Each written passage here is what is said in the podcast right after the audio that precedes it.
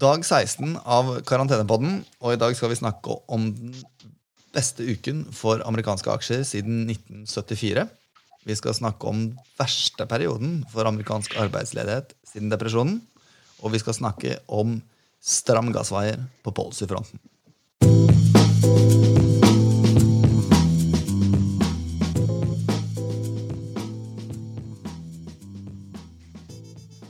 Er du ute og går, eller, Kristian? Nei, nå er jeg hjemme. Hvordan har dagen vært? Er bilen i orden igjen? Ja, den er heldigvis i orden igjen. Det var fantastisk service fra, fra bilbutikken, så den fikk jeg kjørt hjem igjen etter å ha vært på, på verksted. Så alt er bra. Jeg har Vært på lang måneskinnstur med min kone i finværet og har vært ute på kosetur med bilen. Så alt er bra. Ja, ok, Vi skal ikke spørre om hva som var best, men uansett, det er ikke all verdens av nytt på smittefronten. så vidt jeg har fått med meg, Men det har skjedd en del i markedet og på policyfronten og for olje også. Men vi begynner allikevel med en liten update på smittefronten. Hva er siste nytt for denne pandemien? Ja, nå er det over 1,6 millioner uh, smittede i verden, uh, hvorav 470 eh, 000 snart er i USA. Og over 96 000 har dødd som følge av dette her globalt. Det som likevel er positivt, det er at de fleste land ser ut til å få denne evinnelige kurven sin bøyd i riktig retning. Og Det betyr at uh, investorene, som vi skal komme litt tilbake til, begynner å øyne at det verste er bak oss. Så det, er verdt å nevne at Sverige var jo på vei mot uh, eh, 1000 nye tilfeller om dagen. Uh, de, den viser ganske mye lavere i dag. Norge har faktisk bare 25 nye tilfeller som jeg kan se i dag. Så det er et eller annet som skjer. i hvert fall. Den flater seg ut. Ja, det gjør det. Nå har jo du snakket om eh, Sverige de tror jeg fire eller fem siste eh, podene våre. Eh, men eh, det antas at det kan være et etterslep i statistikken på svensk side. Så det kan være en, rett og slett en, en, statistisk glipp, det vi har sett i dag. Ok, ja, Vi får ikke håpe det, da, men med tanke på de dødstallene som de har der, så regner jeg jo med at vi får se et ganske heftig løft i antall smittede der. Men det er ikke så rart heller når de ikke har valgt de samme stramme tiltakene som resten av Europa har gjort. hvert fall. Men, men, men det, det, får så være. Kina er på vei til å bikke under um, 1000 aktive tilfeller. Det er positivt. Eh, hvordan, går, hvordan, går, det for USA? Eh, USA, også, hvor New York har vært det amerikanske episenteret, begynner også å gå definitivt i riktig retning med tanke på både smitteveksten, men også antallet som er innlagt på Eh, intensivavdelinger er også i ferd med å avta, og det er et veldig, veldig bra tegn. Ja, Men det skal faktisk nevnes at nå har New York flere tilfeller enn noe annet enkeltland i verden. Det er ganske heavy for en så liten geografisk plett på denne jordkloden. Det er det, og det som også er interessant, er jo utviklingen i, i New York vis-à-vis California. For California var jo veldig tidlig ute med, med å innføre restriksjoner. Og de har så langt hatt en langt mer hyggelig utvikling enn det New York har hatt. Så det vi får håpe, er at eh, de andre delstatene har vært eh, såpass flinke til å gjennomføre restriksjoner at de ikke opplever det New York har opplevd. Eh, men risikoen er helt klart til stede, at vi kan få flere kall det store utbrudd eller episentre i andre steder i, New York fremover. Ja. Er det noe annet vi trenger å ta opp på pandemifronten? Boris Johnson har vært på en liten spasertur i dag. Det må vi ta, ta med oss som en positiv eh, utvikling. Det er veldig bra. Da beveger vi oss videre til markedet.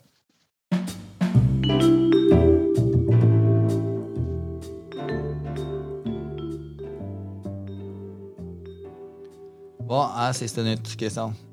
Ja, det er veldig mye. Eh, men det jeg kan ta med, er at eh, SMP 500 i USA steg 12 på denne litt eh, forkortede uken. Det er også stengt på børsene i USA i dag. Og det var faktisk den største ukentlige kursoppgangen siden 1974. Og SMP er nå opp 25 eh, fra bunnen 23.3. Eh, Og det vil si at i prinsippet så er jo SMP inne i et nytt bullmarked. Men dette blir egentlig bare tull å snakke om, i og med at vi er i en såpass eh, vanskelig økonomisk situasjon fortsatt, som vi skal komme litt tilbake til. Europeiske aksjer steg 7,4% Det var den beste uken for europeiske aksjer siden 2011. Og Oslo Børs steg etter det jeg kunne se eh, på en enda kortere børsuke, 3% men er fortsatt ned 21 fra toppnivået 20.2 for, for Oslo Børs i del. Det som eh, helt klart er med på å støtte eh, risikoviljen i markedene, det er jo at vi ser tegn til at smitteutbruddet har passert eh, toppunktet, kanskje globalt, forhåpentligvis. Og det er utsikter til at flere økonomier kan begynne å åpne opp igjen økonomien. Det vi også vet, er at resesjoner som skyldes uventede sjokk, altså f.eks. naturkatastrofer eller pandemier, som vi har sett denne gangen, tenderer til å foranlede raskere innhentinger i økonomien enn såkalte klassiske sykliske eller finansielle ubalanser som da ender opp i en resesjon. Det vi også skal huske på som et bakteppe her, det er at de penge- og finanspolitiske tiltakene som har blitt gjennomført eh, denne gangen i løpet av relativt kort tid, de er av såpass eh, historiske proporsjoner at de ikke bare vil utgjøre et sikkerhetsnett for bedrifter eh, og for husholdninger under resesjonen, men også gi en kraftig medvind når økonomien begynner å hente seg inn igjen. Og Det er tre, eh, tre, av de kanskje viktigste drivkreftene for hvorfor aksjemarkedet har steget så mye nå. Hva med olja? Jo, eh, oljeprisen den eh, er jo på litt i overkant av eh, 32 dollar fat i øyeblikket. Dvs. Si at den har falt noe tilbake. Eh, før dette møtet eh, fant sted i går med OPEC og Russland bl.a. Og Det man har kommet frem til, det er jo en avtale om produksjonskutt eh, mellom 23 eh, land til sammen, med Saudi-Arabia og Russland i spissen, men også de andre OPEC-landene.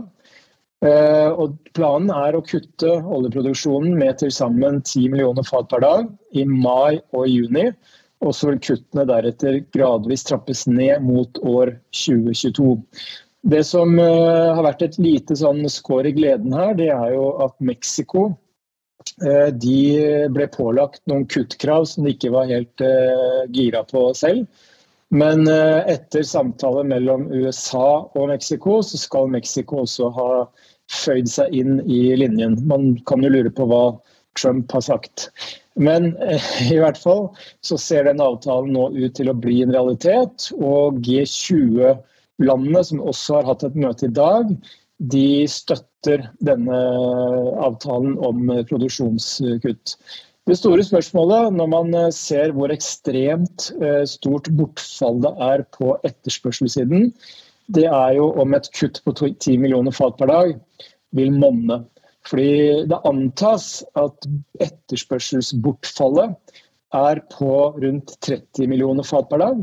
Og da vet vi at selv med 10 millioner fat per dag fra mai, dvs. Si at dette skjer ikke i april, dette skjer i mai, så risikerer vi å ha et voldsomt eh, skjevt forhold mellom tilbud og etterspørsel fortsatt. Og jeg ser bl.a.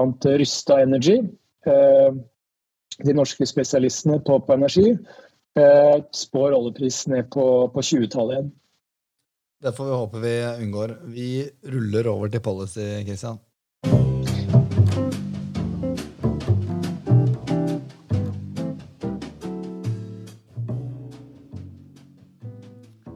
Eller var du ikke helt ferdig med markedet? Eh, jo, jeg kommer litt eh, inn på det, egentlig. Fordi eh, Som et følge av et nytt eh, inngrep fra den amerikanske sentralbanken, så så vi faktisk det største endagsfallet i kredittspreddene på amerikanske high yield-obligasjoner i går, siden 1998. Og Bakgrunnen for dette det er jo en eh, ny stimulansepakke på om lag 2300 milliarder dollar fra Fed, som inkluderer bl.a. Støtte, direkte støtte til småbedrifter, eh, kjøp av eh, obligasjoner utstedt av delstater og kommuner, og kanskje mest overraskende at Fed nå også blir en kjøper i markedet for high yield-obligasjoner. Og det skal de gjøre på to måter. Eh, Fed kommer til å kjøpe high yield-obligasjoner som var investment grade fra og med 22.3. Dvs. Si at de vil kjøpe obligasjoner som har falt fra investment grade til high yield etter 22.3. Og det er det såkalte fallen angels-syndromet, som vi kaller det her på Hedmarken. Vil si selskaps, selskapsobligasjoner som da har blitt nedjustert fra høy kredittverdighet til lav kredittverdighet. Og Det betyr at Fed vil da gå inn og kjøpe en del av de oblasjonene. og I tillegg vil også Fed kunne kjøpe high yield-oblasjoner via ETF-markedet. altså ETF det er jo da børsnoterte indeksfond. Og Det som er interessant, det er at siden bunnpunktet 23.3 så har verdien av amerikanske high yield-oblasjoner steget nesten like mye som SMP. Ikke 25% som for aksjer, men 21% Så dette har vært en kraftig rekyl i verdien av de mest risikable oblasjonene. Ok, det, det, det, vi må stoppe opp to sekunder der, bare så folk får med seg akkurat det der. Altså Fed skal støtte kjøpet, og de selskapene som da hadde en uh, plettfri vandel, si, en god rating før krisen, eller da før 20. mars 22. Men, ja, 22. Men har blitt nedgradert til en dårligere kredittrating etter det, de vil fortsatt kunne kjøpes av Fed. Det er det du sier, ja. Jens? Ja, det er riktig. Ja, Det er godt. På policy-siden så har det også skjedd noe annet veldig interessant. Ikke bare det at eh, eurogruppen har blitt enige om en ny pakke, det er for så vidt greit. Men noe av det mest spennende er at eh, Storbritannia er det første landet som nå annonserer direkte sentralbankfinansiert finanspolitikk. Og Det betyr i prinsippet at eh, for å bekjempe skadevirkningene fra koronaviruset på den britiske økonomien, så betyr det at den britiske sentralbanken skal trykke penger som direkte overføres til den britiske staten, uten at staten først må utstede statsobligasjoner. Og selv om eh, britene opplyser at dette her vil være høyst midlertidig, så er dette likevel en banebrytende eh, endring. Eh, også i USA så har man sett eh, tilløp til dette her, men ikke at det har blitt så direkte eh, finansiert eh, som, som, man nå ser i Storbritannia. Og dette er jo det som på godt norsk kalles eh, modern monetary theory, altså at man rett og slett bruker sentralbanken som trykker penger for å finansiere offentlige utgifter via budsjettene. Er det nesten som statlige helikopterpenger? da? Det er som statlige helikopterpenger. Ja. Helikopterpenger det er jo et begrep som normalt ses mer i sammenheng med at penger deles ut til privat sektor. F.eks. til husholdninger og til bedrifter. Men denne gangen så er det, som du sier, mer sånn statlige helikopterpenger. Ja, det, det, er vilt. Og ellers? Ja, det er ganske vilt. Ellers så vil jeg si, eh, fordi nå har jeg vært veldig positiv og snakket om uh, veldig mye bra, så jeg forbeholder meg retten også til å peke på de tre største truslene mot finansmarkedene. For jeg nevnte jo tre stabiliserende faktorer. Og de tre største truslene, slik jeg ser det, det er at uh, nå er det jo mange ulike anslag på hvor ille verdensøkonomien kan bli i år. Men anslag på rundt minus 2% global BNP-vekst, minus 6 i USA, minus 10 i Europa er ikke helt uh, utenfor ballpark. I tillegg er det ikke utenkelig at selskapsinntjeningen kan falle med 30-50% Og Gitt at vi nå har en kursutvikling i amerikanske aksjer og globale aksjer som har steget såpass mye, vi er liksom på 2016-2017-nivå på indeksene, så synes dette å være noe optimistisk. fordi vi kan jo på ingen måte garantere at smitteutviklingen ikke blomstrer opp igjen når restriksjonene på økonomisk aktivitet slippes opp. Og I tillegg så er det en definitiv risiko for at det tar lengre tid enn forventa, i hvert fall av markedet nå, å normalisere den økonomiske atferden og dermed veksten og selskapsinntjeningen. Det, det, der, det, må, ja. det, måtte du komme med. Det måtte jeg komme med. Men jeg avslutter med noe 100 positivt. Og det er jo mine seks stemningsindikatorer. VIX-indeksen, TED-spread, dollar, high yield-spreader, tysk-italiensk renteforskjell og amerikanske inflasjonsforventninger. Og bare for å ønske god påske, så er disse nå positive alle sammen.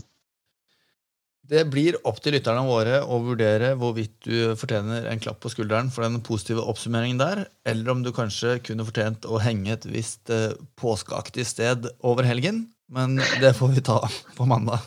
Vi snakkes over helgen, Kristian. Ha det. Yes. Ha det.